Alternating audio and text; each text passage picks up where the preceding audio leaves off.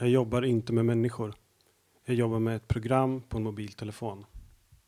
Jag bär telefonen med mig i min ficka när jag jobbar och den talar om för mig vad människorna behöver. Om det behövs diskas, om de behöver hygien. Kanske behöver de lite mat. Jag loggar in när jag kommer till människorna. Sedan klickar jag i olika rutor i programmet för varje sak som jag gjort. Jag loggar ut när jag går därifrån. När dagen sedan är över berättar programmet för några andra människor än de som jag inte jobbar med att det har diskats, att det har lagats och serverats mat, att det har ordnats med hygien. Dessa människor redovisar i sin tur vad jag har gjort och hur lång tid det tog till några andra människor som betalar för allt. En liten del av de pengarna kommer till mig och kallas för lön. En lite större del går till människorna som programmet berättar för. Den allra största delen går till några osynliga människor långt bort som ingen någonsin ser eller ens vet vad de heter. Ibland känns det som om de människorna inte är människor alls utan något annat. Kanske är de också program. Jag vet inte. Det enda jag egentligen vet är att jag inte jobbar med människor. Men människorna jag inte jobbar med vet inte det. Människorna jag inte jobbar med tror att jag jobbar med dem. De tror att jag kommer in i deras lägenheter och diskar åt dem. De tror att jag lagar mat åt dem. De tror att jag sköter deras hygien. Det gör jag inte. Jag lagar mat åt mitt program och jag sköter hygienen åt mitt program. Jag pratar snällt och går på promenader med mitt program. För om jag inte gjorde det så skulle ingen veta för vad de skulle betala. Alla människor skulle bli mycket förvirrade och jag skulle inte få någon lön. Jag skulle inte kunna köpa mat eller skor. Så har det varit mycket länge. På något sätt har de blivit tvungna att veta vem som gjort vad. Och det här programmet är deras senaste sätt att veta det. Och det som är så bra med det här sättet är att eftersom ingen egentligen jobbar med människor utan med ett program så kan vem som helst som vet hur man jobbar med det programmet gå in och jobba för vem som helst. Om jag till exempel skulle försvinna, då kan det komma en ny person imorgon. Den personen kan komma och jobba med samma program som jobbar med samma människor som jag inte jobbar med. Ingen skulle märka någon skillnad. Förutom de människorna som jag inte jobbar med, men de är också vana. Därför säger jag heller inte någonting. Därför berättar jag inte för någon om hur jobbigt jag tycker det är att behöva jobba med ett konstigt program. Oftast inte ens för de andra som jobbar med samma program och som jag träffar ibland. Men speciellt inte för människorna som jag inte jobbar med. Det är mycket förbjudet. Det är faktiskt det viktigaste med att inte jobba med människor utan med ett program. Att låtsas att jag inte jobbar med ett program. Därför är det viktigt att ingen av människorna som jag inte jobbar med hör det här. För då skulle någon annan få komma och börja jobba med mitt program.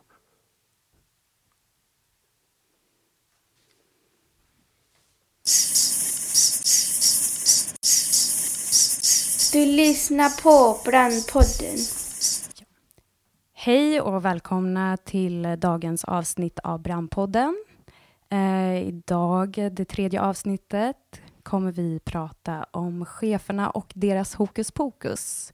Och eh, redaktionen från Brandpodden närvarande idag är jag, Jackie. Och jag, Moa.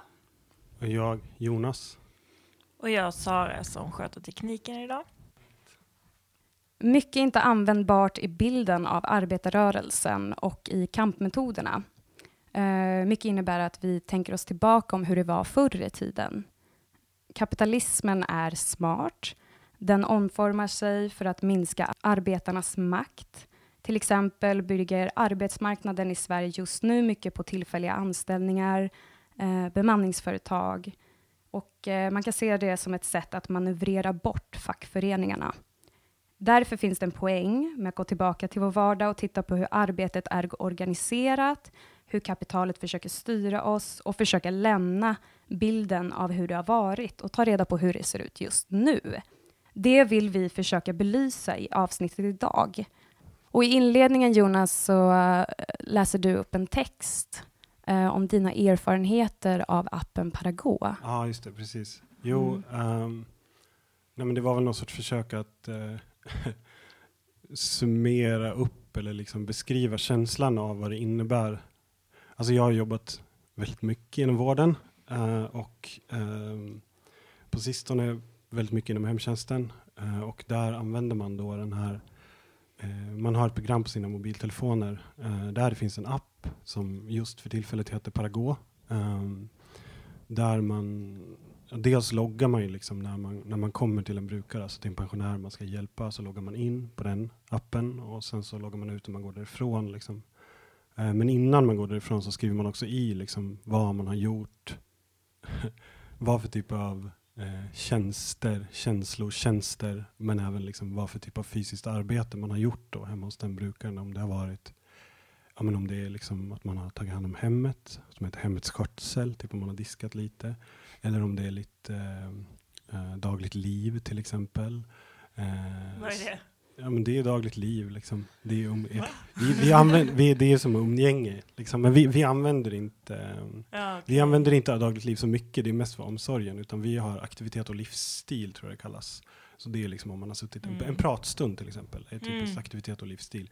Kan också vara annan insats, eh, som en annan ruta liksom. Eller så är det liksom eh, hälso och sjukvård eller sådär. Liksom. Ja. Så att det finns liksom en hel radda med, ja, men det finns en karta över alla, alla känslor som en, en människa kan arbeta med Mm. Mm. mot en annan människa Alltså, eller mot det här programmet. Åh gud, det här vill jag se. Um, mm. Det är väldigt absurt när man försöker kartlägga mänskligt liv och känsloliv på det där Mm, sättet liksom, mm, och, och mm. namnge det och liksom, Mm. ja. Cyniskt. Ja men verkligen. Moa, du har ett annat exempel om, eh, en, inte en app, men... Eh, Nej, men liksom hur eh, arbetet organiseras kring olika dataprogram i olika branscher. Liksom. Jag började jobba för några år sedan på en lokaltidning, ett vikariat. Och nu är det ju så här på tidningar, nu har ju så här alla yrkeskategorier i stort sett upphört, i alla fall på lokaltidningarna. Att Förut fanns det ju så här redigerare, det fanns fotografer, reportrar. Ehm, det finns det inte riktigt längre, utan nu är det ofta att man är multijournalist, så man ska göra alla de där grejerna liksom. Ehm, Multijournal- ja. Multijournalist, precis. Ehm, och den här lokaltidningen var en del av en större koncern, vilket typ alla lokaltidningar är. Um, och i koncernerna har de då, hittar de på olika sätt för att effektivisera. Den här koncernen hade precis, ganska nyligen börjat jobba med ett eh, nytt datasystem. Och det som händer då i det där, eh, det jag får veta innan jag kommer dit från, från den här någon, liksom personalchef på huvudkontoret är att jag ska producera två, tre sidor per dag. Och då är det så här allting då, bild, text, idé, eh, layout liksom. Det här läggs då in i den här tidningen som är redan färdigmallad liksom. alltså det är liksom färdiga mallar för hur ni ska lägga upp allting. Precis, tidningen ser typ likadan ut från dag till dag. Det finns liksom på, på de olika sidorna färdigbestämt hur stor bilden ska vara, hur lång texten ska vara sådär. Det- Trots det, trots att det är så, så är det ju jätte, jättemycket jobb att fylla två, tre sidor per dag. Och det var ju i stort sett omöjligt liksom. Um, så där var det ju ändå som att vi organiserade arbetet på andra sätt så att vi kunde hjälpas åt så att det inte blev liksom. För det tanken var att jag, jag behövde egentligen inte ha kontakt med de andra som jobbade på tidningen mer än kanske chefen då som skulle godkänna liksom. Men jag liksom själv skulle, skulle fylla de här sidorna liksom. Det som är intressant med det där var ju också att det var i stort sett förbjudet att ändra någonting i de här mallade sidorna. Liksom. Alltså om jag hade en idé om att jag ville ha en annan sorts bild, eller en längre text, eller en kortare text, för att jag tyckte det passade bättre, så var det ingenting som, som någon blev glad över, att jag hade en, en, en, en egen idé. Nej. Liksom. Utan tvärtom, eh, så eh, syntes det i datasystemet om jag gjorde någon förändring på sidan. Alltså det signalerades Ja. på något sätt till Ja. huvudkontoret. Liksom. Mm. Och det jag fick höra när jag började där var att så här, om man gör mer än tre sådana ändringar i de här mallarna, alltså typ ändrar storformatet på en bild eller text, ehm, om man gör det tre gånger då skulle man få prata med chefen och det var så här, prat om att man skulle få så här löneavdrag. Liksom. Ja. Ja. Man Ja, tänker sig att det, här, det är så här motsatsen av vad man tänker sig bilden av en journalist liksom, och dess arbete. Ja, ja men verkligen. Det är ju väldigt så här liksom, eh, lite utrymme för kreativitet och också så här granskande av makten som man tänker sig Mm. att journalister ska hålla på med. Liksom. Ehm, för att det du ska göra är så här, fylla sidor typ. Du ska leverera innehåll liksom. För jag tänker direkt på den här vårdappen när du säger de sakerna. Eller Ja. det finns ju jättemycket i det också, alltså det systemet som, som vi har haft inom hemtjänsten nu ett tag. Liksom, att så här, där vi också, där vi verkligen också inte får frångå det som, det som vi, alltså liksom när vi har en specifik tid som vi ska vara som brukare till exempel. Frångår man den tiden för mycket så får man också så reprimander från chefen. Liksom. Alltså man får snacka med chefen eller man, de, de kollar ju liksom vad, vad folk är och vad folk gör och sådär. Liksom. Vi, och det är samtidigt så, det som är så lustigt med det är att det samtidigt så vill de att vi ska frångå det ibland. Det är som att det blir väldigt, väldigt svårt att veta när ska vi göra som det står att man ska göra och när ska vi inte göra som det står att man ska göra. Eftersom att det också är människor så att ibland behöver de typ mer tid och ibland behövs det mer tid. Så vi uppmanas också att så här, eh, att göra det, ibland frångå. Men då Mm. måste vi skriva en så anteckning. För vi har så anteckningar i de här, i de här apparna så finns det liksom så här eh, arbetsanteckningar. Och då måste vi så skriva in varför vi har ändrat den grejen. Så att de kan logga de sakerna som vi observerar på jobbet. Och eh, liksom så här, härleda dem till, till liksom situationen för brukaren. Och så att de på så vis kan ta reda på så här, okej men, men det här har förändrats eller den har lite svårare att gå nu för tiden eller sådana grejer. Liksom. Så här. Men har ni det också så att det finns någon typ av flexibilitet? Eller fanns det någon typ av flexibilitet inskrivet i det systemet? För att det finns det ändå i Parago, fast allting är kartlagt. Det ska hela tiden kartläggas. Liksom det, Jo, nej men det fanns det väl, alltså det fanns väl så här eh, ett par, det fanns väl något så här, någon variant på upplägg liksom, sådär. Ja. men då var det en annan mall man skulle följa liksom. ah, jo, jo, jag har haft en mall, absolut. ja. Och, och vi skulle ju också kommunicera via det här datasystemet då med våra kollegor. Vi skulle skriva in ante- eh, anteckningar på de jobben vi höll på med, typ så här kontaktuppgifter till intervjupersoner och Ja, allting. det vill de att vi ska göra också, men det är ingen som gör det. För att Ah. det är ingen som läser dem, eller du vet, det funkar inte, det är så dåligt Ah. program, så man pratar ju ändå med varandra. Liksom. Ja, Och täcker upp för det som programmet inte kan täcka. Ja, det går ju snabbare att prata med varandra än att sitta och skriva in i ett program och så ska någon gå in och läsa. Men allt sparas ju också. Eller? ja men precis, det är också en Absolut. kontrollfunktion i det också, liksom, att så här, hur, vad man lämnar för information där. Liksom. Ja, exakt. För att kunna kanske placera in någon annan där. Eller? Ja, alltså det är väl, det är väl kan man ju Om man kanske ska- tänka, eller det var det jag, jag är inne på det i min, eh, i den där texten som jag läste i början, som ju inte är liksom, som jag skrev för ganska länge sedan typ, och liksom hade väl någon sorts känsla av det mer än vad jag kände att jag hade kött på benen för att Mm. Men det är väl klart att det är så det är i grund och botten. Liksom. Alltså att målet är på något vis att, så här, eh, tänker jag, att så här, göra, göra vi som gör jobbet så utbytbara som möjligt, bland annat. Liksom. Mm.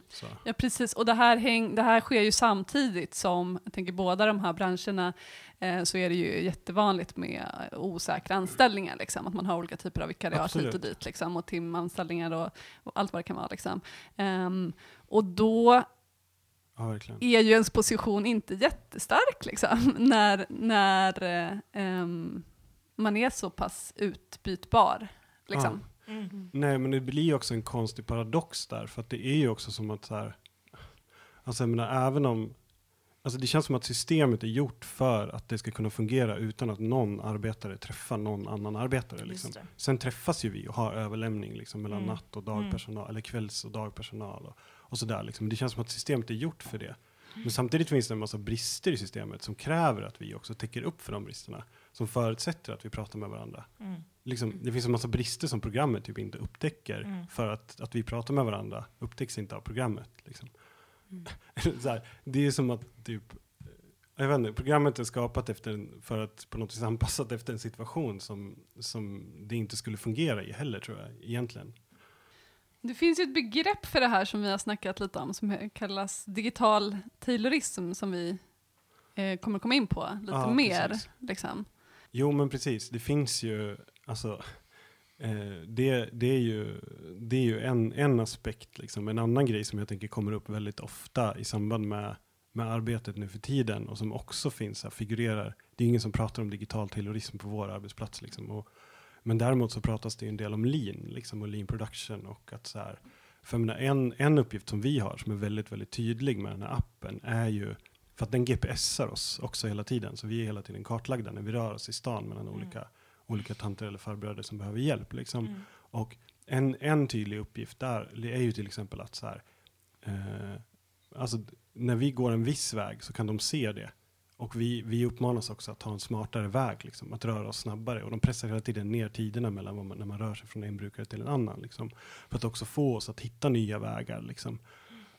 Och att vi ska vara, liksom, hitta på nya uppfinningar för att lösa arbetet bättre. Och skriva in dem i appen. Eller gärna liksom, när man är hemma hos en brukare. Säga, jag kom på att göra, man kunde göra så här och så här. Och så skriva in det i appen så att de ska kunna kartlägga det och ha kontroll över det. Och det handlar ju också om typ att vi ska förbättra liksom hur de lägger upp arbetet, hur de som leder och fördelar arbetet, typ cheferna och deras chefer och deras chefer, liksom, för att vi ska förbättra deras grej. Och det tänker jag är typiskt, det är en sån typisk lean, lean production-grej. Liksom. Så, Mm. Ja, och det tänker jag det, det är ju det som har skett på de här lokalredaktionerna också, att man har, man vill tjäna mer pengar liksom, och då har man sett att det var så här oeffektivt som arbetet var upplagt eh, förut, liksom, att det här blir ehm, effektivare, de har ju dragit ner på personal så här, eh, väldigt mycket ofta på lokalredaktionerna, ja, Ehm, och ja, färre anställda som jobbar hårdare ehm, på ett sätt, liksom. ja, eller i alla fall gör andra saker, fyller sidor mer än att granska makten till exempel. Ehm,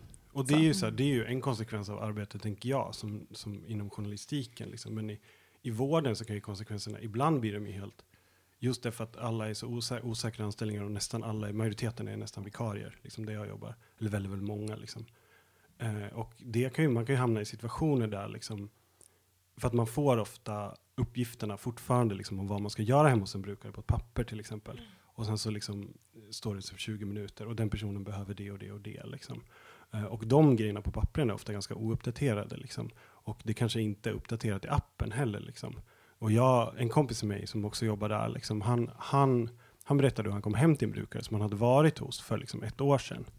Eh, och liksom, eh, det stod inget speciellt på pappret och han hade varit där tidigare och den gubben brukade vara uppe och gå och na, na, na, liksom, hela den grejen. Liksom, och ganska så här, ja, men funktionell pensionär. Liksom. Och så kom han dit, det var släckt i lägenheten, det var helt mörkt.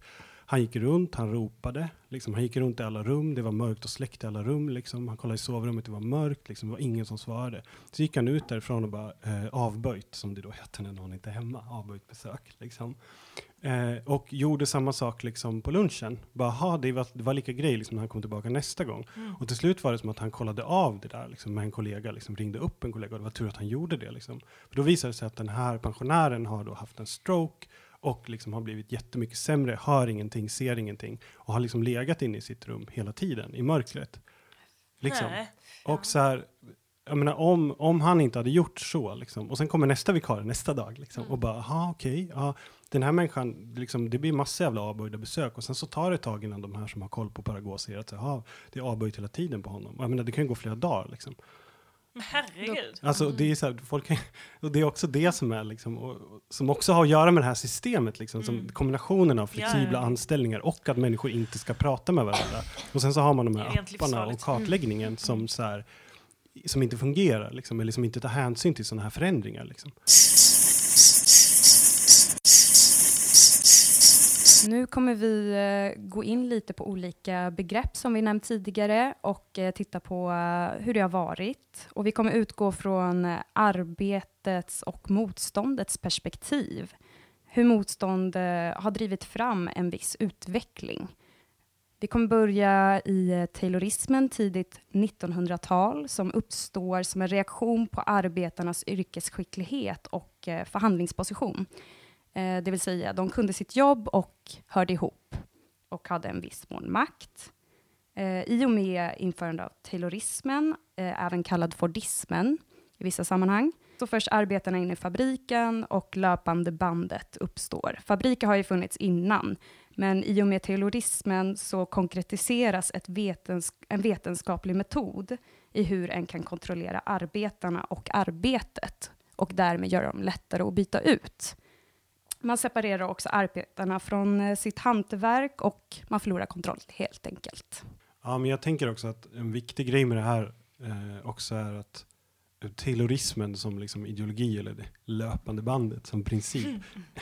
Kanske också kan se alltså att det genomsyrar också en ganska stor del av samhället. I, i väst liksom men också i, i, i Sovjetunionen, liksom där, där terrorismen anammas liksom, som det sätt på vilket man producerar varor på. Liksom, det här löpande bandet. Ett exempel på det som är ganska roligt som finns på Wikipedia till exempel om man, go om man googlar terrorism liksom, är ju att de till exempel under någon extremt entusiastisk eh, period liksom organiserar alltså SAUL, alltså svensk, arbetet med Svenska Akademins ordlista efter, efter löpande bandprinciper. Liksom. Eh, och jag tänker att det också delvis gäller liksom, utbildningsväsendet, liksom, att det, det är någonting som genomsyrar en ganska stor del av samhället. Liksom. Och att det är en situation där vi, alltså vi som arbetare liksom var massarbetare. Liksom, och, och arbetet består av mycket repetitiva uppgifter. Och man har liksom, man får mindre och mindre inflytande eller överblick över produktionen. Liksom. Ja, kort sagt, det skapar en situation liksom, där, där, eh, där vi som arbetar, eller de, de som arbetade då, liksom, blir väldigt alienerade från, från hela produktionen. Liksom. Man har liksom inte längre någon yrkesskicklighet, man är en massarbetare, man har en funktion på ett löpande band, liksom, där man gör en specifik uppgift. Liksom. Och när, när, den här, när det här sättet att organisera produktionen också genomsyrar resten av samhället, så, så vad heter det, uppstår liksom en så här, ja, men det uppstår en väldigt alienerande situation. Liksom. Om man ska hårdra det så blir allting väldigt monotont, det blir färglöst, det blir själlöst. Liksom. Och ett sätt att se på liksom, upproret 68 liksom, är som ett uppror mot precis det här. Liksom, mot, mot terrorismen, mot den terroristiska fabriken, Mm. mot, mot löpande bandet inom utbildningsväsendet, men också inom konsumtionen och framförallt inom, inom produktionen och liksom, inom arbetet. Liksom. Alltså upproret 68 är ju också en, en, det finns en gemensam nämnare mellan studenter och arbetare liksom, i det upproret som startar i Paris. Liksom. Och eh, många av dem liksom, Många av de dragen som man kan se under det upproret kan också förstås utifrån liksom, terrorismen och, och hur, hur det samhället var då, liksom så här, det löpande bandet, liksom, där, där man å ena sidan hade de här stelnade partierna, de här masspartierna, Socialdemokratiska partiet och liksom olika leninistiska mossiga partier, liksom, eller så här, i, i Östeuropa, i Sovjet, har liksom så här, eh, det här löpande bandet som genomsyrar hela samhället. Liksom. Eh, och å andra sidan har en arbetssituation som ser ut så och en utbildningssituation som ser ut så. Liksom. Flera av de sakerna som uppstår i och med upproret 68, liksom, där man bryter med en motståndstradition. Liksom man man eh, eh, lyfter fram som kreativa uttryck, eh, liksom fantasin, liksom fantasin till makten är ett sånt slagord från Paris 68. Liksom också den här alliansen mellan studenter och arbetare som, som är väldigt påtaglig i Paris och även i Italien kanske till viss del. Liksom, där man gör liksom uppror mot, mot en helt alienerande situation. Liksom. Och även den här, alltså liksom hela den här grejen med, med, med motkulturella projekt och husockupationer och så här, man bygger upp alternativa kommuner ute i naturen kan också ses som en flykt mot det här arbetet eller mot den här situationen där man inte heller Mm. identifierar sig med sin yrkesroll. Mm. Man har liksom inget, man har liksom ingen själslig attachment med sig. Ja, men jag är Mm. arbetare, jag kan det här liksom. Utan man är bara en kugge i ett hjul liksom. Och, jag tänk, och det, även den autonoma rörelsen som den, vi på något vis är en del av, liksom, har också sitt ursprung där. Och flera av våra slagord, liksom, typ det här som var för några år sedan, så här, arbetsplatser, vad säger, lekplatser istället för arbetsplatser. Just det. Eh, är liksom ett typiskt sånt, sånt slagord. Där man, och också den här flykten från arbetet, där man så här, vägrar jobba. Alltså flera av de här sakerna. Som liksom, kommer därifrån. Ja, men Mm. typ som har sitt ursprung i, Mm. i den här 68-rörelsen. Liksom. Mm. Mm. Men det som är intressant för den här liksom, podden är att jag tänker att ur det här ur det här motståndet så föds också nya former av produktion. Liksom. Och då finns det, man kan ta exempel från, från San Francisco till exempel, och Silicon Valley, eh, där det finns liksom väldigt tydliga kopplingar mellan den counterculture-rörelsen, som är liksom en vänsterrörelse, där man, liksom, man, man lämnar konsumtionssamhället, man lämnar arbetssamhället, man ska ut i och bo ofta i typ öknen och så här.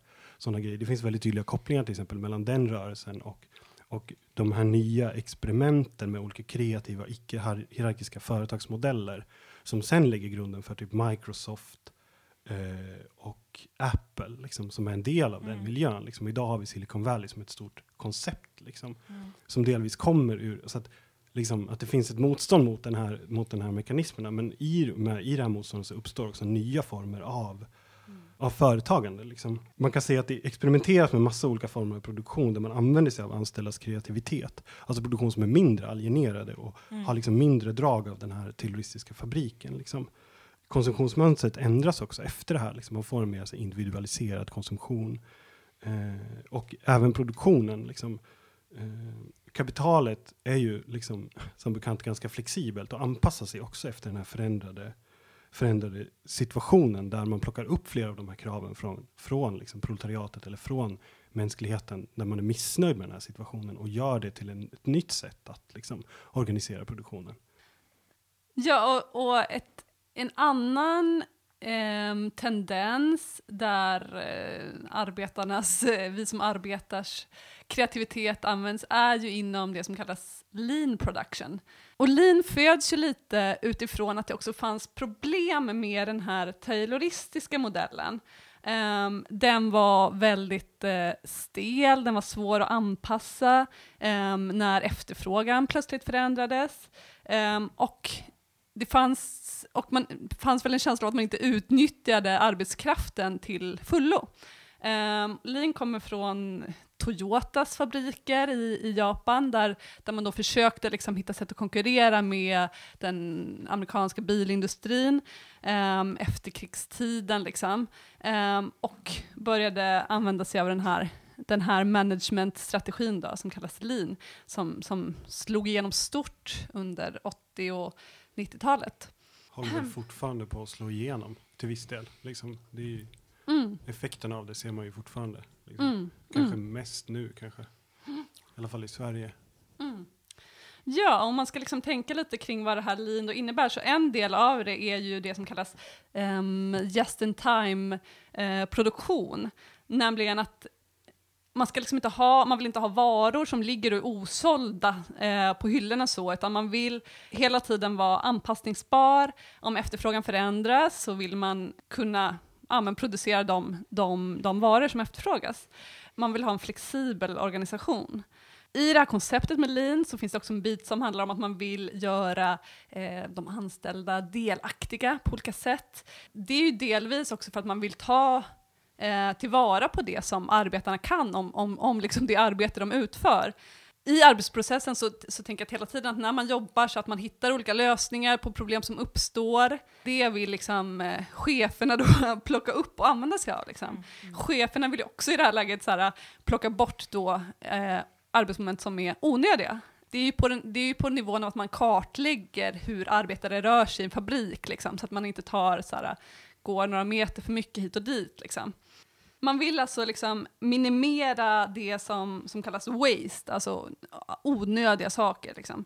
Och de här, alltså det som då för cheferna är onödigt, är ju ofta det som så här, mm, arbetarna har använt sig av för att kunna få ett lite lugnare tempo, kanske kunna ta en cigg eller så här, kunna ja, snacka med sina kollegor på olika sätt. Liksom. Ehm, som då eh, ofta beskärs, liksom, de utrymmena. Så.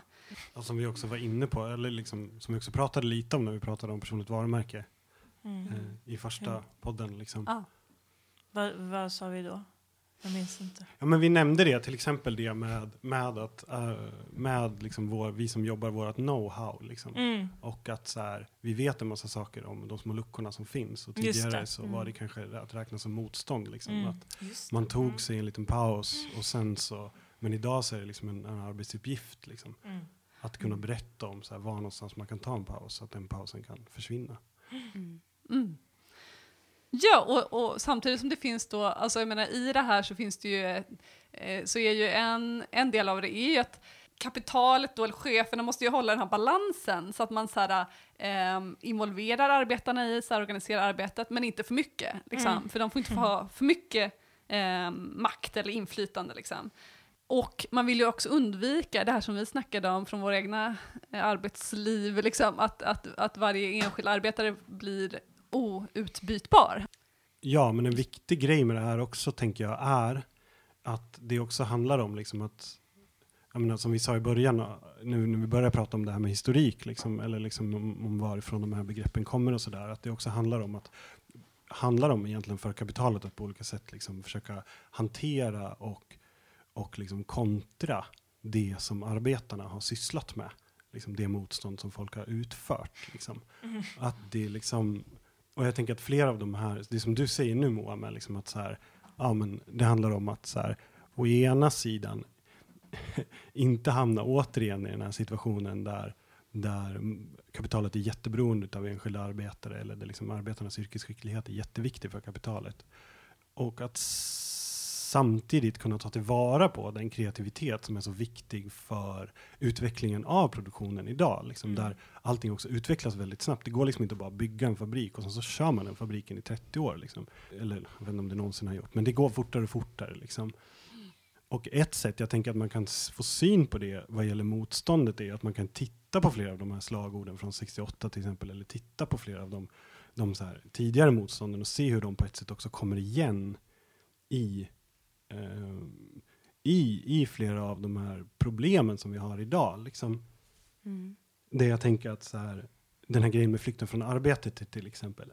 Alltså det här blir lite generaliserande, liksom. det blir en hårdragning liksom, för att man ska kunna få syn på de här grejerna. Liksom. Men att flykten från arbetet kanske då kan tänkas gå igen i till exempel den här situationen vi har idag, att många tar med jobbet hem. Liksom. Att man förväntas vara tillgänglig överallt. Man kanske jobbar fast man, liksom, det är otydligt när man jobbar eh, på Facebook eller på liksom, social media. Liksom, det är otydligt. Gränsen mellan arbete och fritid är väldigt upplöst för folk. Liksom. Mm. Eller den här oviljan att vara liksom kedjad till en och samma för, företag eller samma arbetsgivare hela livet. Liksom, kanske till och med generation efter generation och har blivit, liksom, kanske kan tänkas återvända i den här, liksom, alla de här osäkra arbetsvillkoren.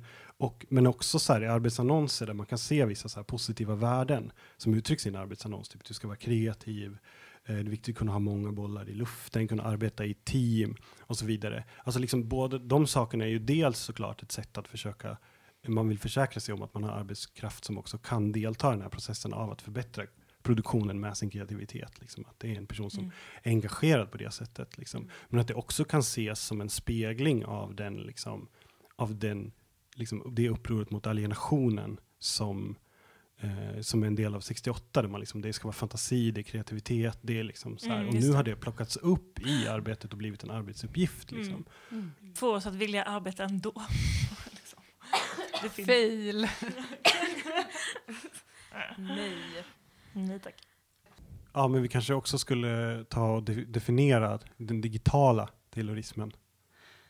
Ja, men precis. Och, och, och det är ju liksom att så här, man använder sig av de här äh, digitala verktygen, alltså dataprogram, appar, ehm, så för att ehm, standardisera arbetsuppgifter och kontrollera. Alltså det är ju den, den, den gamla eh, löpande bandet, liksom, taylorismen i en modern tappning. Ja, Ja. precis. Krångligare än så är det ju inte. Liksom.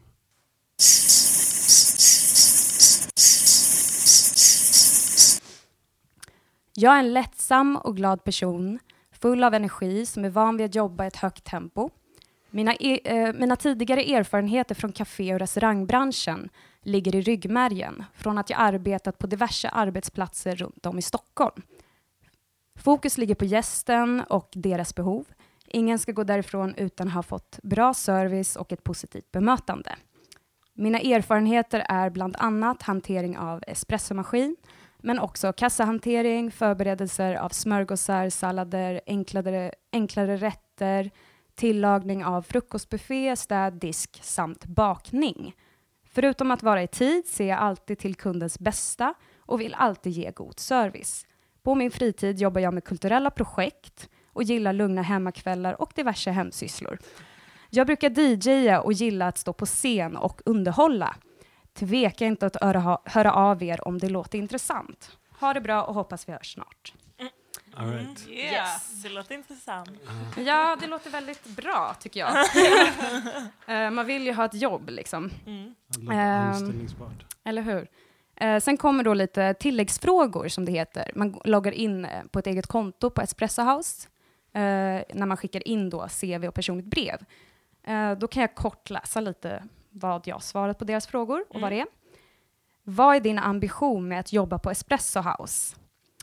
Då klickar jag såklart i jag vill utvecklas, göra karriär istället för att ha ett extra jobb eller skaffa mig arbetslivserfarenhet. Eh, sen kommer frågan Beskriv kortfattat varför du vill arbeta som skiftledare på Espresso House. Att arbeta som skiftledare på Espresso House ser jag som en utmaning för mig. Jag vill utveckla mig själv, mina ledarförmågor och ha ett tryggt arbete att gå till. Min stora passion i livet har alltid varit kaffe. Och jag finner, ja precis, det är jättestor passion. Och jag finner värdet i en god macchiato. Beskriv dina starkaste egenskaper ur ett ledarperspektiv. Det här är då mitt svar. Vi kan klippa bort det sen. Nej. Uh, Okej, nej. det här är då mitt svar. Jag vet vad humör och anda betyder i ett team. Som ledare försöker jag alltid vara positiv och noggrann. Vilket inbegriper i mitt tycke att vara en god förebild, men också att läsa av och känna in mina medarbetare. Tillsammans sprider vi bra energi och håller på så sätt en hög nivå i kvalitativa produkter och service. Ja.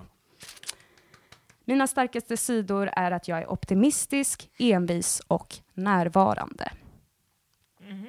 Ja. Nu tänker jag skolexempel för Stämmer. vad man tänker sig, kanske. Ehm, ja, Nej men jag tänker att du också så här på ett sätt, alltså typ omformulerar vissa saker som ändå har med dig som person att göra. Mm. Liksom, fast du skriver in det i det så här språket som passar till den här arbetsannonsen. Liksom. Mm.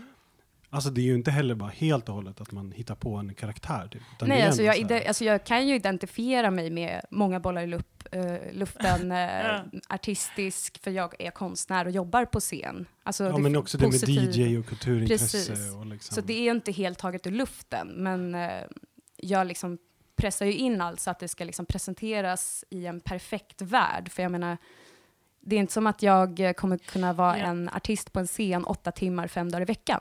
Nej men du tar ju fram de egenskaper som du vet fungerar i det här sammanhanget och som man kan liksom ja, Det är det de vill ha. Liksom. spetsa till lite liksom passande för just den här Ja, men den här perfekta personen som de söker. Du, ja, man kanske till och med kan säga att du gör ett personligt varumärke av vissa egenskaper Mm. som du har omformade på ett Just sätt det. så att de passar med den här typen av produktion av, av service. Liksom, som Ja. ligger Mm. väldigt nära, många av de här sakerna ligger väldigt nära det som vi pratat om med lean. Liksom. Ja, Mm. alltså det står ju uttryckligen i annonsen, du kommer stå på en scen, du måste kunna liksom leverera. Jaha, Så att det okej. finns Mm. i annonsen. Eh, Då så där, så. då lyfter jag ju såklart Ja. fram liksom, de grejerna, Ja men visst. för att det är det de söker. Men, Du kan eh, spela pigg när du är trött. Precis, jag kan liksom hålla uppe masken. Stod det Jag, så? Nej. nej, Det men det blir ju grej. det. Mm. Ja, precis. Ja, det är faktiskt en ganska bra. Det ska man använda. Ja. Mm. Ja, har man en dålig dag eller PMS så är det ju liksom inte Mm. så lätt. Nu är det bara masken på. Yes. Mm. Men vad hände sen? Ja, alltså det finns Fick lite fler. jobbet? Jag blir inbjuden till en gruppintervju. Det var ingen Ja, så personlig det. intervju. Alla skulle komma, liksom, skift, de som sökt skiftledare och de som har sökt så här vanlig Just tjänst. det. Stå och kassa, hantera bara Just och göra kaffe. Eh, så då kom vi in då liksom till den här gruppintervjusituationen och jag kommer då lite tidigare. För att jag, inte för att jag är ju en sån person som vill komma i tid såklart. Det ligger kanske liksom i perfekt kvinnasyndrom. Eh, men jag kommer i tid och eh, sitter och dricker en kaffe och eh, har ett formulär framför mig som vi ska fylla i och gå igenom Nice, då under den här kaffe. intervjun. Ja, Hade du tänkt på det? Brinner för kaffe. Nej, men då säger, när alla kommer in då, för jag är tidigast, när alla har kommit in och satt sig, då börjar den här som ska hålla i gruppintervjun och liksom lyfta upp mig som ett exempel. Att så, här, hon var i tid, eller hon var lite tidigare. Mm. Eh, ni borde lära er av den här tjejen. Vad heter du? Eh, Jackie. Eh, Mm. Så jag blir ett så här, exempel då på den här bra Mm. människan direkt. Eller så här, Var den de bra arbetaren. sena? Jag tror inte det. Det var väl lite så här, alltså du vet akademisk kvartssituation, kanske någon två minuter, men det var ingen som var sen Nej, eller släntra in. Men då blir jag liksom, men ändå för du var tidigare. precis, det är ändå det man vill ha. Man vill ha arbetare som kommer lite tidigare och börjar jobba Inte ta betalt för den lilla. Nej, Nej, men som är engagerade med sin själ Ja, i kaffet. precis, i kaffe. Ja, och den här intervjun fortsätter då på olika sätt. Men då var det en situation eh, där eh, vi skulle i grupp då eh, svara på olika situationer om hur vi hanterar gäster och kunder eh, och konflikter. Och så skulle vi sitta i grupp och formulera svar och reflektioner och sen skulle vi presentera de här i den större gruppen. Mm. Ehm, Och då insåg jag liksom att det är nu jag ska visa att jag är en skiftledare och kan leda gruppen och prata för gruppen. Så det blev som en situation där hon frågade oss, Mm. hur tänkte ni i, vå- i vår grupp, alltså min grupp? Mm. Eh, och då satt jag och tittade på de här andra i min grupp och bara så okej, det här är jätteunga människor som verkligen vill ha ett jobb. Eh, de sitter där och bara väntar på att någon ska ta tag i det här och jag är skiftledaren. Och då kände jag bara så okej, istället för att föra deras talan så började jag så här, men du sa ju det här och lyfta upp varje person i min grupp Mm. som en egen individ som faktiskt kan tänka Mm. själv. Ehm, och sen var jag, svarade jag väl ganska dåligt på vissa frågor för att jag kände att jag orkade inte vara den här eh, lägga på en mask och bara vara så här positiv. Så jag fick inte det jobbet, men eh, jag fick ett annat jobb som personlig assistent istället. Men vad då sökte, alltså de här andra personerna som var med i den, i den gruppen, vad de, sökte, de sökte inte skiftledare utan de sökte jobb som vanligt liksom kafébiträde? Det var, det var blandat. Så att man kunde Ah. se vissa som liksom steppade upp där och liksom bara, i vår grupp pratade vi om det här och vi Ja. kom fram till det här utan att liksom nämna vem som har tänkt vad. Ah, Okej, så som, som du tänker ville ha den där tjänsten då som skiftledare kanske? Mm. Precis. Vad det är som ett typ live eller som ett rollspel. Mm. Liksom. Ja, det blir ju det. Alltså, jag, jag orkade ju inte under Nej. intervjun och lajva det, för jag kände bara Mm. så här, Alltså, jag, jag förstod ju själv så här, och komma dit. Alltså, vad, vad är det för arbetsplats jag kommer Ja. till? Liksom. Jag, jag kände bara att allt, jag, jag tappade helt liksom, Ja. ens viljan Men att få fram det här till den jobbet. punkten så gjorde du ju ändå jävligt bra. Liksom. Ja, men jag kände, jag kom ändå till gruppintervjun, Mm. eh, där jag liksom inte kunde Mm. fortsätta upprätthålla det här. Ja, men du, Ja. det var ett val du gjorde då ju. Skönt. Ja. Men alltså, det. jag tror att det kan också, eller så här, jag har en kompis som är, som är eh, butikschef. Eh, och, eller så här, tillförordnad butikschef, liksom, som är ju inte jättestor skillnad alla gånger, kanske man måste tillägga då, mellan att vara det och att vara vanlig butiksbiträde eller arbetare. Liksom. Men hon, Mm. hon liksom har sysslat med sån, ja men du vet, här, fyllt på med, behöver fixa vikarier, liksom, och har beskrivit att det var, liksom nu den här sommaren till exempel, att de hade jättestort problem för att liksom alla personer som kom in var så jävla, jävla bra. Liksom, Mm. och på typ så här, på att just göra det här performancet, som det känns som att du pratar om Ja. någon typ av performance, liksom, på att göra det här performancet och spela den här rollen som att man bara brinner för just det här jobbet, liksom, och verkligen, verkligen vill jobba hela tiden. Och, na, na. och sen när de så här, väl ska börja vikariera så tackar de nej till alla pass, liksom, för att det är så här, Stockholms innerstad, de bor hemma, de har kanske inte så lust att jobba, de vill gå på typ trädgården istället, liksom, Mm. och festa eller sådär. Liksom. Ja, men ni vet, Mm. liksom, Mm. att det också det, det kan gå så pass, det känns som att det kan gå, gå eller håller på att gå så pass långt ibland att det typ så här till och med blir svårt för de som ska rekrytera. Eller liksom för att alla har blivit så bra på att spela det här spelet. Liksom, för Just man det. vet exakt vad som förväntas av en. Mm. Liksom. Ja, för det är ju samma, alltså jag tänker att de, alla, man använder ju samma ord liksom. Alltså det för det finns ju typ inga andra ord att använda. För man måste säga att man är bra på att jobba i team, man är bra på många bollar i luft. Alltså det Ja, blir exakt. liksom en sån, och sen Exakt. kan man göra det så här olika, mycket trovärdigt liksom. Eller så här, Nej, så, Nej. såklart. Men, men, Ja. eh, men Ja, verkligen, då- det blir och en sån likriktning ja, i men vad man ska, hur man ska Exakt, vara, man liksom. känna. Och då är väl kanske inte det största problemet egentligen att, att typ att vi, alltså liksom att vi är oärliga, typ, eller att så här, det blir så här oärligt, utan att vi också tvingas till de här sakerna, för att det är de här sakerna som, som, som vi behöver arbeta med när vi exploateras. Liksom. Typ. Mm. Att det kan vara bra, tillägga. Ja, liksom, ja, ja men verkligen, ja men verkligen, verkligen.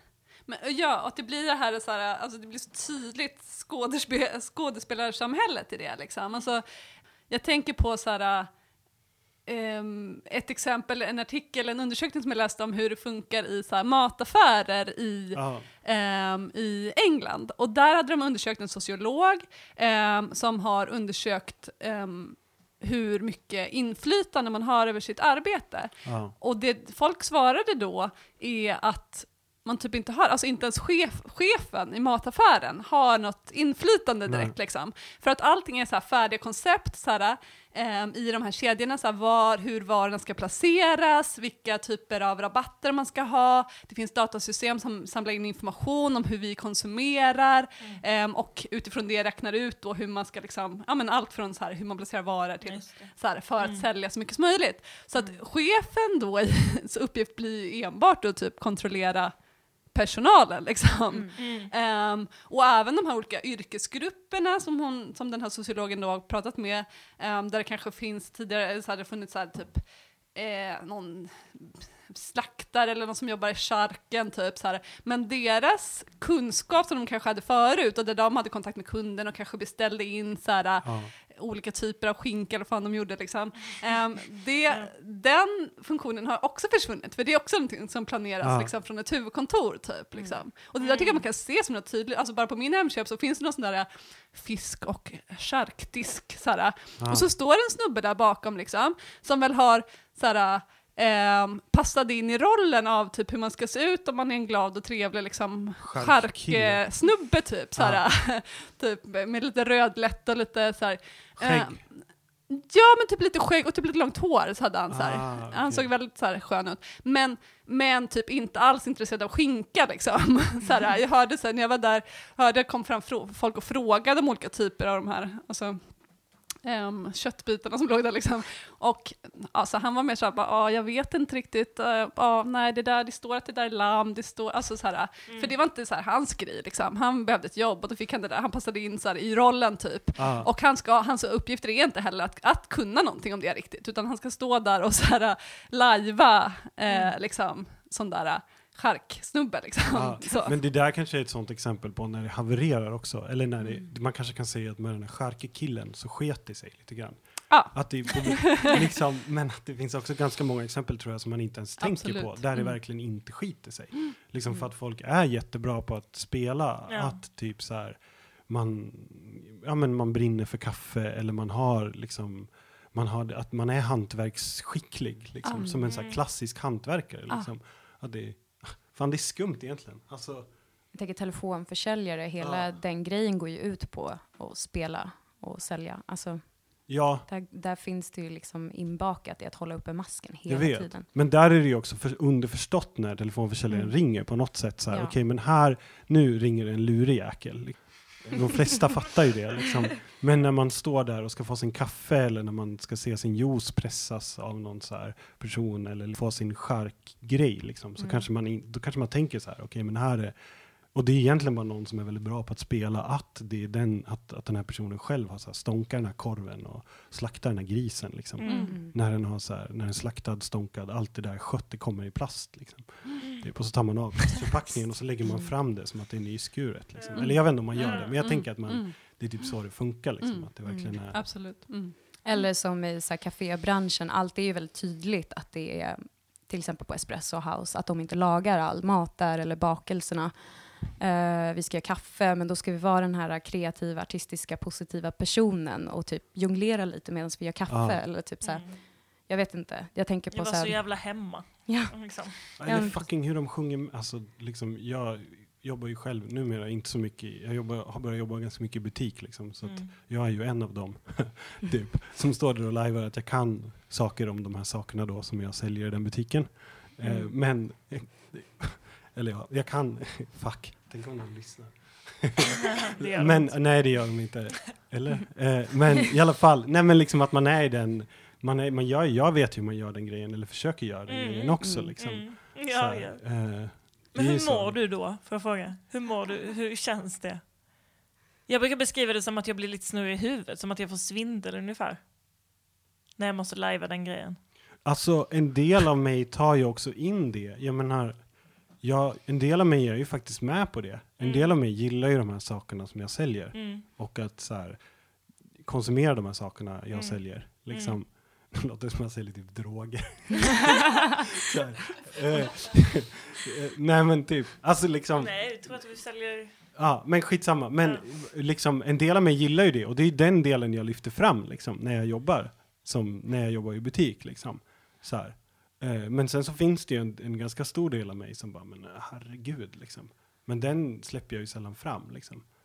Mm. Typ. Alltså det är ju liksom, man får ta upp dem som, ungefär som du gör i ditt, det är ju på något vis som att man gör den här CV-rörelsen som du gör med ditt personliga brev. Liksom. Man tar upp vissa saker av sig själv, man har ju några små, små skrymslen och vrår liksom, i sin personlighet som man kan plocka fram. Liksom. Mm. Så här, typ. Nej, men man vill ju också göra det roligt på något sätt. Alltså, det kan ju också vara ett sätt att få tiden att gå, tänker jag. Att verkligen gå in i den där rollen och, Och spela med och, och lira fram. Ja, det är också helt sjukt hur man, så hur man, hur man kan också njuta av vissa grejer som man Ja. också säger, skämt man säger om och om igen. Jag Ja. kan ändå skratta åt dem, trots att Mm. jag har sagt så här, typ när jag ska göra ett paket, typ så här, sätter på ett grattis, man, det finns små grattisklistermärken som man kan sätta på, på paketen liksom. Och så säger jag så här, ska jag sätta på ett, fyller personen år, ska jag sätta på ett grattisklistermärke? Typ. Och, de, och då kanske de säger ja, eller så säger de nej, och så säger jag typ så här, ja men det är bra fråga för att en gång så, så frågade jag, och då var det till en, person, till en kollega som skulle sluta, och då är det ju lite tråkigt om man satt på ett grattis. och det är liksom så pass tråkigt, Yeah. har, så pass tråkigt har jag liksom att jag ändå kan tycka Dra att det är lite kul, för man får olika reaktioner från olika personer och sådär. Sen finns det också så här, i allt det här som vi pratar om, det här glättiga, liksom, performance-skådespelare, liksom, ehm, så fi- det finns ju massa personer som typ in, som inte pallar det här, liksom, som inte klarar av Ja. det, som inte så här, Som som, inte faller utanför det, som Absolut. inte passar in liksom. Mm. Och jag tänker att, man, alltså att vi alla känner de personerna eller har varit dem, liksom, Eller eller, är de eller är de liksom. också. Sådär.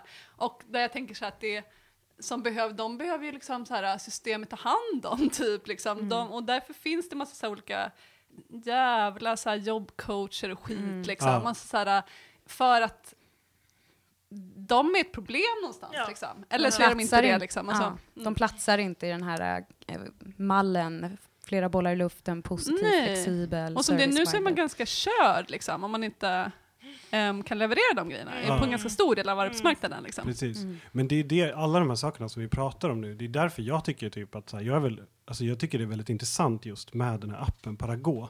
Liksom Mm. i samband med det här, för att alla de här grejerna som sker liksom, som sker när vi jobbar, som kan vara lite otydligt. När, när är jag, när skämtar jag, när är jag kunnig, när är jag förtroendeingivande, när är jag känslosam och medkännande. Alltså alla de sakerna kan ju liksom flytta in i varandra när man jobbar. Liksom.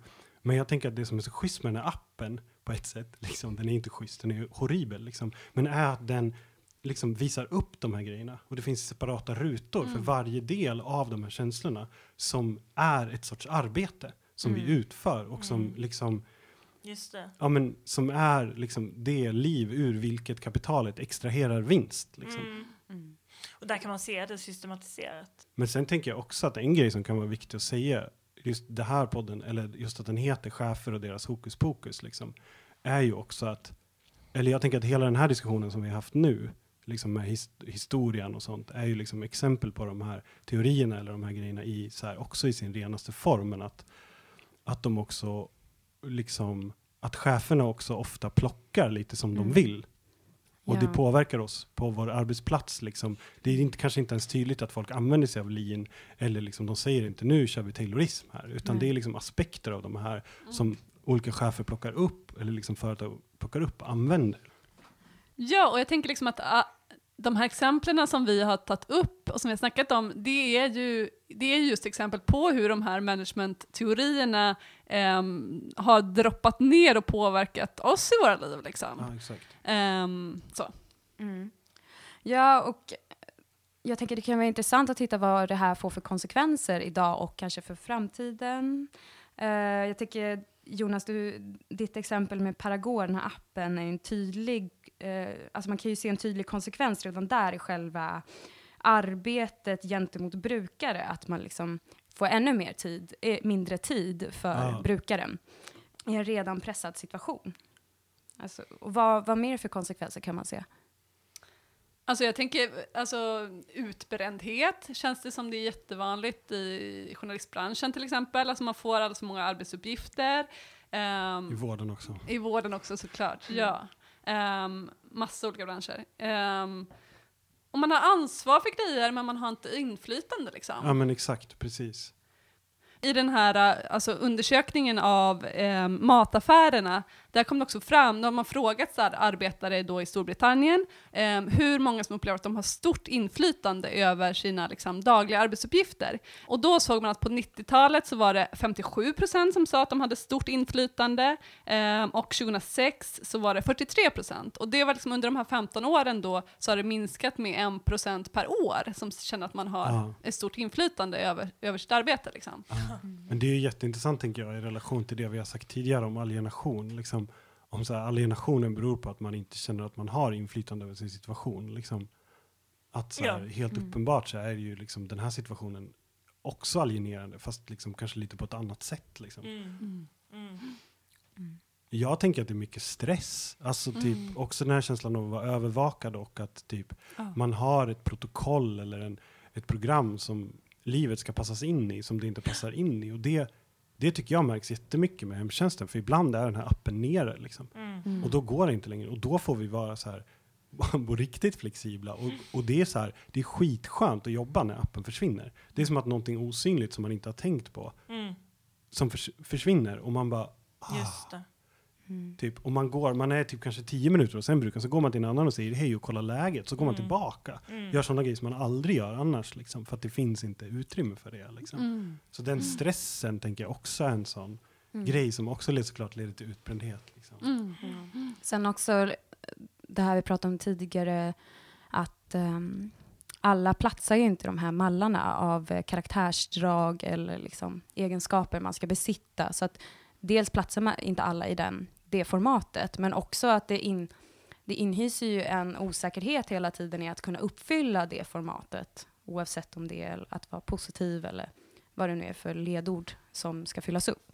Ja, en känsloliv exploateras ju också liksom i det. Såhär, att Ja. det blir en del av varan som Precis. ska säljas. Alltså om man tänker typ att så här, en kock typ inte gillar att laga mat hemma liksom.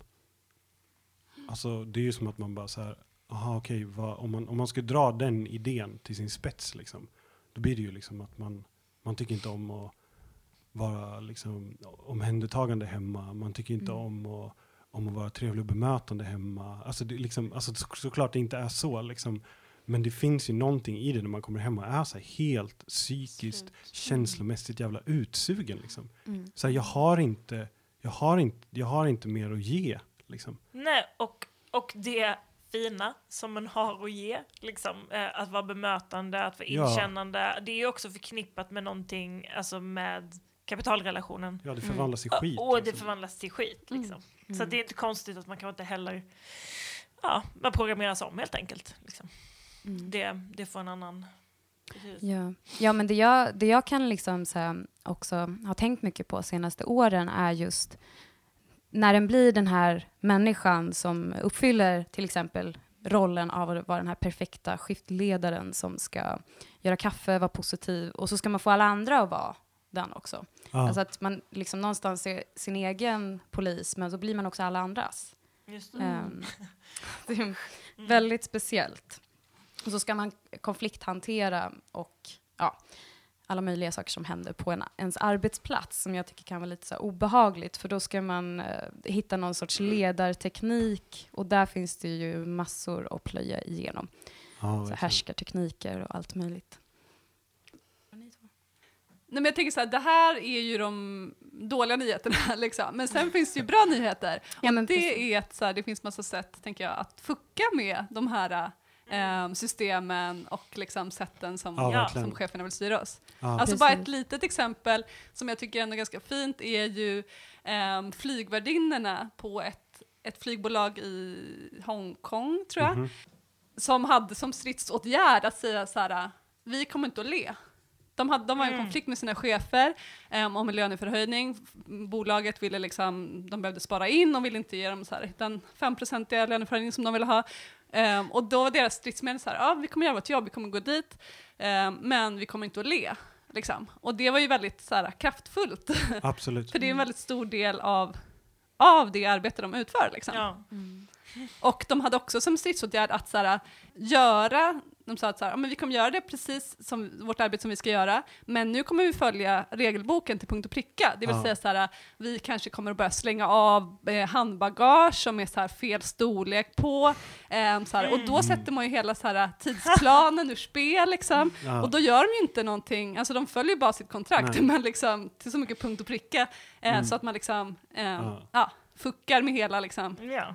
Planeringen. Ja, Mm. men det blir så, och det är ju också helt genialt för att det är ju så på ett sätt en klassisk sån stridsåtgärd. Liksom. Man sätter ett arbetsmoment i blockad. Typ. Mm. Vi vägrar att lyfta de här lådorna eller vi vägrar att göra det. Bara det att det är på ett känslomässigt, vi vägrar att le. Mm. Liksom. Ja, men precis. Alltså, det, det känns ju ganska hopplöst i sådana här situationer. Det är bra att höra exempel. Jag menar, hur ska man organisera sig? Är det genom facken eller som i det här fallet inom yrkeskategorin? Det är ju, kan ju kännas lite så här, alltså som värsta så här Matrix-världen, liksom, typ. Alltså att vi bara är helt liksom Mm. uppkopplade mot någon sorts skeva digitala terroristiska maskiner och bara sugs ut. Men jag menar, det är ju också det i praktiken så, menar, de här teorierna är ju helt perfekt utformade på ett sätt och kan låta som helt så här djävulskt utformade instrument för att, men när de genomförs så genomförs de ju bara delvis och de genomförs av chefer som inte har koll. Och det är ju dels den grejen tänker jag, att det ofta är liksom cheferna försöker liksom trolla med sitt hokus pokus och det lyckas ju liksom ganska sällan helt och hållet liksom. Mm.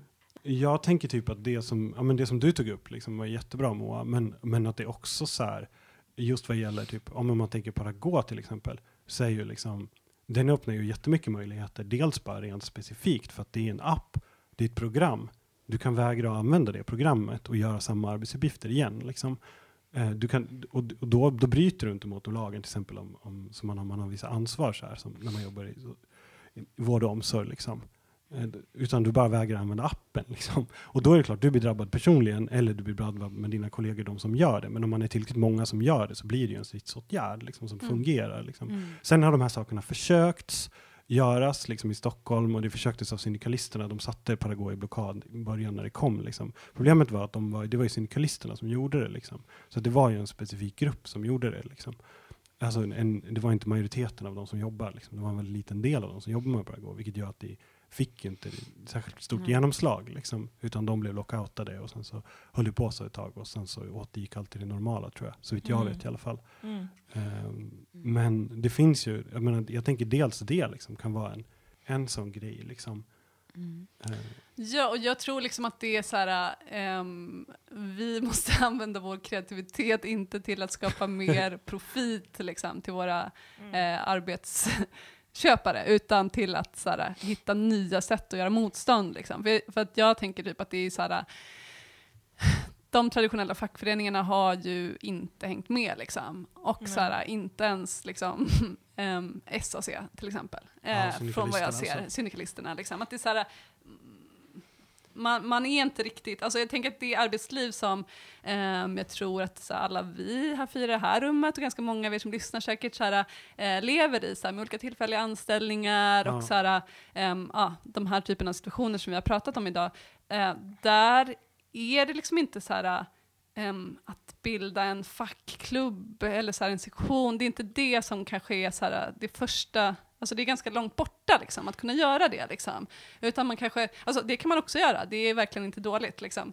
Ehm, men, men jag tänker att det finns massa andra, så här, att man, ja, man får se, man får hitta andra vägar också, liksom, som är lite mer kreativa. Ja, men också speciellt tänker jag eftersom att arbetsmarknaden så som den ser ut nu, som vi var inne på i början, också har formats. Alltså man har skapat de flexibla anställningarna, man har gjort alla de här sakerna, delvis som ett sätt att spela Ja. ut den traditionella organisationsformen bland arbetare, typ fackföreningar. Mm. Och det gäller även, även liksom syndikalisterna, man har en organisationsform som är liksom 100 år gammal i princip. Mm. Liksom. Och att då gå till de fackföreningarna som de här problemen har uppstått som ett resultat av kapitalets försök att, att undvika, liksom, blir ju jättemärkligt. Liksom.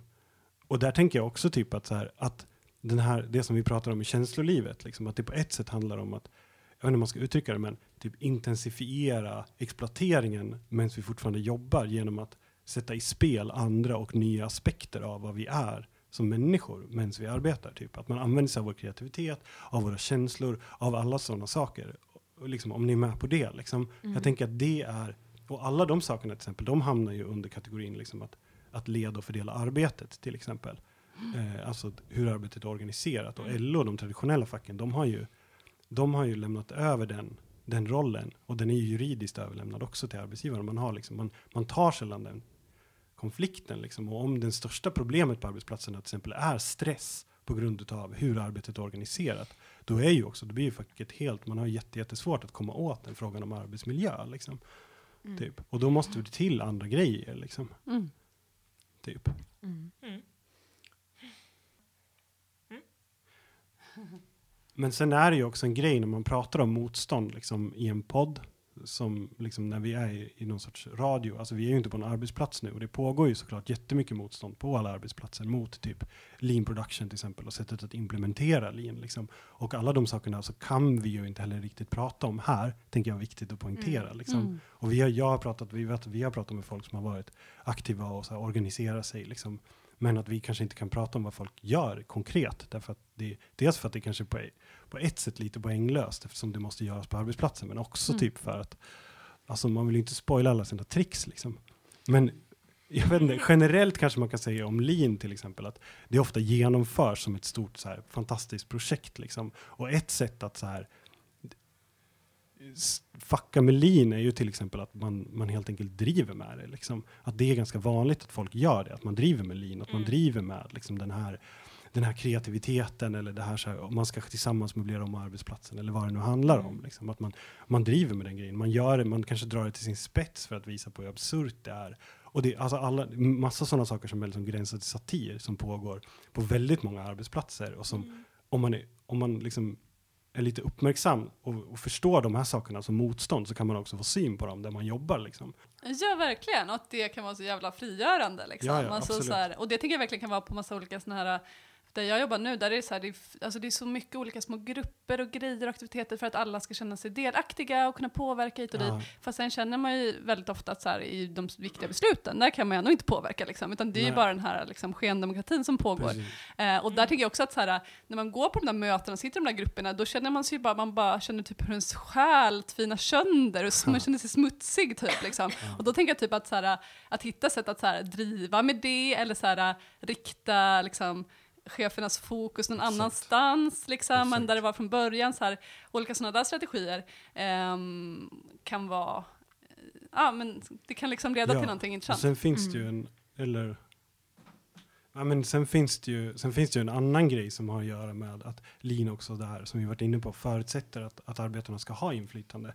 Att det också går att Mm. bejaka ett lean-projekt. Liksom Okej, vi ska gemensamt besluta hur vi Japp. ska göra, eller vi ska gemensamt effektivisera alla de här grejerna på vår arbetsplats. Om man då bejakar det, då går det ju också att använda det som ett sätt att ta kontroll över arbetsplatsen. Liksom.